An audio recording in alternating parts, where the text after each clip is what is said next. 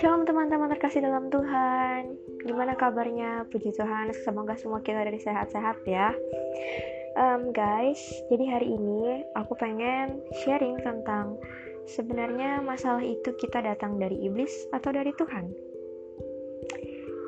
Siapa di sini yang gak pernah kena masalah, guys? Pasti semua dari kita pernah kena masalah yang bikin hati kita kesel, bikin hati kita sedih, bikin kita melo, bikin kita galau, kecewa, putus asa, sakit hati, apalagi misalkan diputusin pacar, kemudian nilai jelek atau ada uh, apa namanya hubungan yang gak baik dengan keluarga, hubungan yang gak baik dengan teman kantor, teman kuliah dan sebagainya macamnya. Apalagi sekarang ini di zamannya pandemi, pasti banyak dari kita yang mengalami depresi ringan karena kita di rumah aja melakukan aktivitas di rumah aja yang mungkin kesusahan untuk beradaptasi. Oke, jadi hari ini kita akan bahas sebenarnya masalah itu datang dari mana sih teman-teman?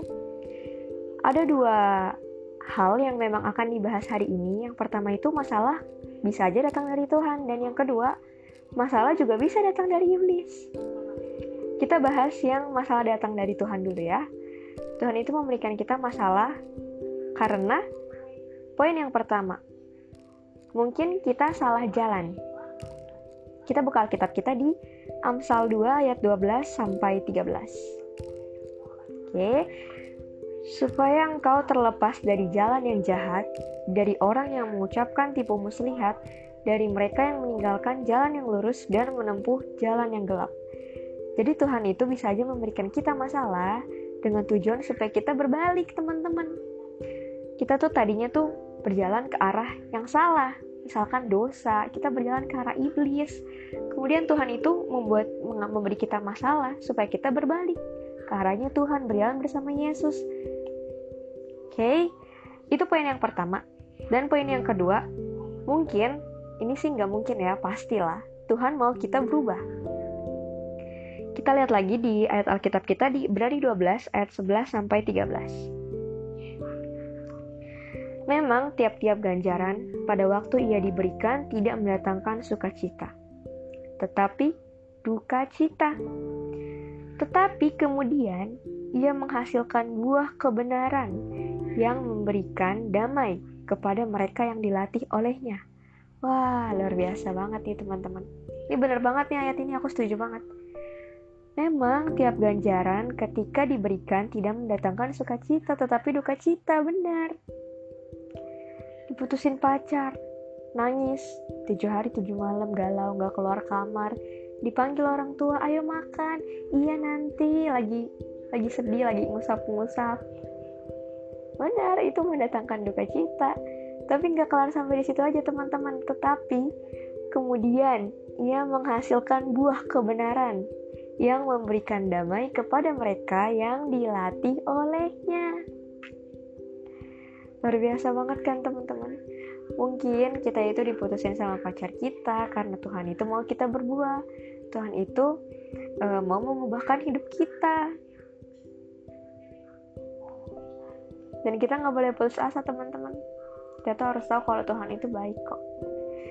Tadi poin yang kedua, sekarang poin yang ketiga. Mungkin Tuhan mau membentuk kita dengan menguji kita. Oke, ayatnya Ibrani 12 ayat 6. Karena Tuhan menghajar orang yang dikasihinya dan ia menyesah orang yang diakuinya sebagai anak. Bayangin aja, kita sebagai anak-anak Allah nih. Kita itu anak-anak Allah yang berharga di mata Allah.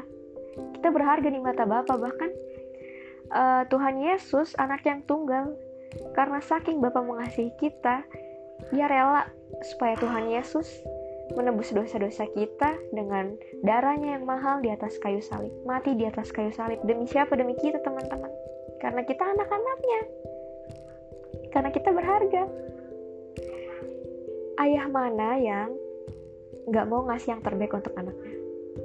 Semua orang tua di dunia ini sebagai wali-wali kita pasti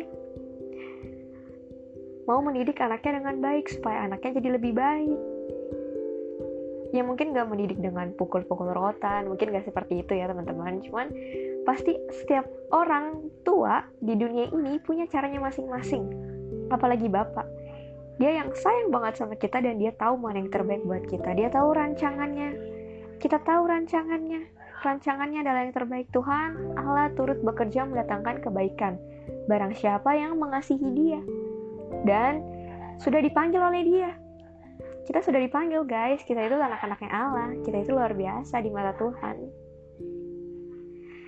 Oke, tadi poin satu udah, dua udah, tiga udah.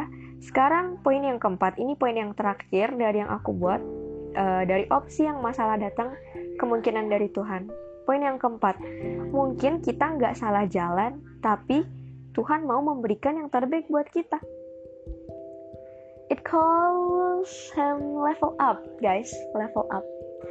Jadi mungkin kita udah benar nih di level 1 nih, kita sudah menyelesaikan target, kita sudah menyelesaikan misi. Kemudian Tuhan bilang, e, anakku, sekarang misi kamu sudah selesai, kamu telah sukses, selamat, dan kamu akan naik level 2, lebih tinggi selangkah. Selangkah lagi lebih lebih naik, lebih maju gitu.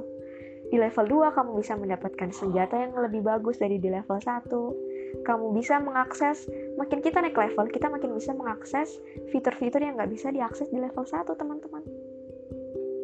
Makin kita naik level makin banyak keuntungan benefit yang bisa kita dapatkan dari game gitu. Itu misalkan kita main game. Kemudian juga hal-hal yang nggak bisa kita akses di level 1 di level selanjutnya selanjutnya kita akan bisa akses. Tapi apa kita bisa kembali lagi ke level 1 bisa aja kalau mau. Misalkan game over atau bunuh diri atau mengulang lagi dari awal bisa aja kalau teman-teman mau kalau kita mau. Tapi pertanyaannya kalau kita udah melewati masa di level 1 kemudian up up up and up ada nggak sih yang mau ngulang lagi ke level sebelumnya yang udah kita lewatin teman-teman? I don't think so. Kita semua tuh akan bertumbuh kita semua akan grow up. Begitu juga dengan yang dimaksud dengan Kristus di sini Maksudnya adalah Tuhan ingin kita bertumbuh, bertumbuh, dan bertumbuh. Bukan karena kita salah. Tapi memang sudah waktunya kita untuk naik level dan meninggalkan level sebelumnya. Amin. Amin. Amin. Ada amin. Amin. Kemudian, tadi yang masalah datang dari Tuhan ada empat poin. Yang pertama mungkin kita salah jalan. Yang kedua, Tuhan ingin kita ber, berbuah, sorry, yang ketiga, Tuhan mau membantu kita dengan cara menguji kita. Dan yang keempat, mungkin kita nggak salah jalan, tapi Tuhan mau memberikan yang terbaik untuk kita, level up. Kemungkinan yang kedua, yaitu masalah yang pasti datang dari iblis. Kok bisa teman-teman? Kok bisa sih? Lo yakin gak salah? Oke, okay, jadi iblis itu kan di dunia ini ada kerjaan. Kerjaannya yaitu untuk menjauhkan kita dari Tuhan sehingga damai sejahtera nggak ada di hidup kita. Kalau misalkan iblis nggak menjauhkan kita dari Tuhan, iblis nggak membuat kita melakukan dosa, iblis tidak menggoda kita dengan hawa nafsu, dengan apa sifat-sifat duniawi dan kedagingan, apa gunanya iblis di sini? Di dunia ini kasihan dong iblis yang nganggur. Ya karena itu memang kerjanya iblis guys, memang kerjanya iblis teman-teman. Jadi kita, jadi bukan Tuhan aja yang bekerja untuk kebaikan kita, tapi iblis juga bekerja untuk mendatangkan kemalangan, untuk mendatangkan maut. Jadi kita harus hati-hati banget. Oke, okay. selanjutnya ini opsionalnya yaitu masalah yang datang karena dosa kita. Yakobus 1 ayat 15 kita baca, dan apabila keinginan itu telah dibuahi, ia melahirkan dosa. Dan apabila dosa itu sudah matang, ia melahirkan maut. Maut, teman-teman, maut.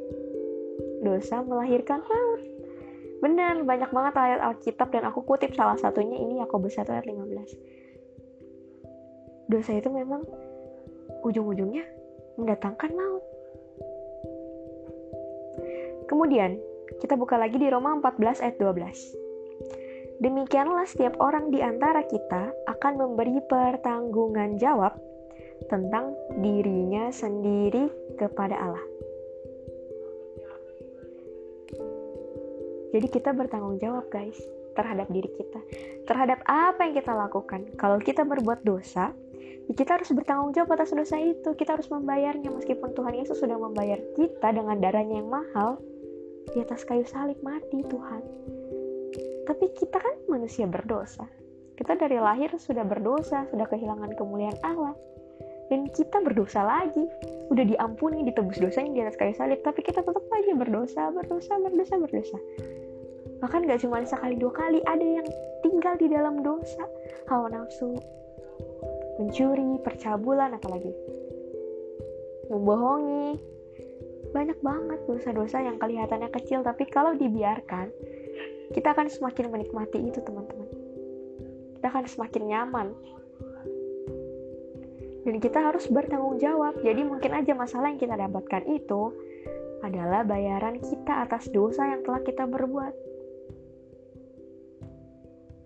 Oke okay, teman-teman. Tapi kita nggak boleh lupa kalau kita punya Tuhan Allah, Allah Bapa kita di sorga yang akan selalu ada untuk menyertai kita dan siap untuk mengangkat kita. Pertanyaannya, apakah kita mau ditolong dan diangkat oleh Bapa? Apakah kita bersedia untuk memberikan hidup kita supaya di lift up sama Tuhan? Atau kita maunya galau aja terus disuruh putus tapi Tuhan aku masih pengen sama dia. Tapi Tuhan dia ganteng. Tapi Tuhan dia banyak duitnya. It's okay itu pilihan kita guys. Tuhan bilang kok manusia itu punya akal budi dan kehendaknya sendiri manusia itu bisa memilih ya atau tidak mau atau tidak pilih yang baik atau yang buruk ikut Tuhan apa ikut iblis kudus atau berdosa benar gak?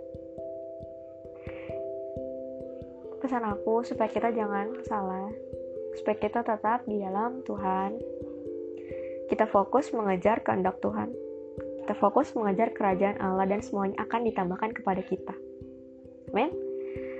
Oke, okay, um, sekian dari sharing aku hari ini yang judulnya tentang masalah datang dari iblis atau dari Tuhan.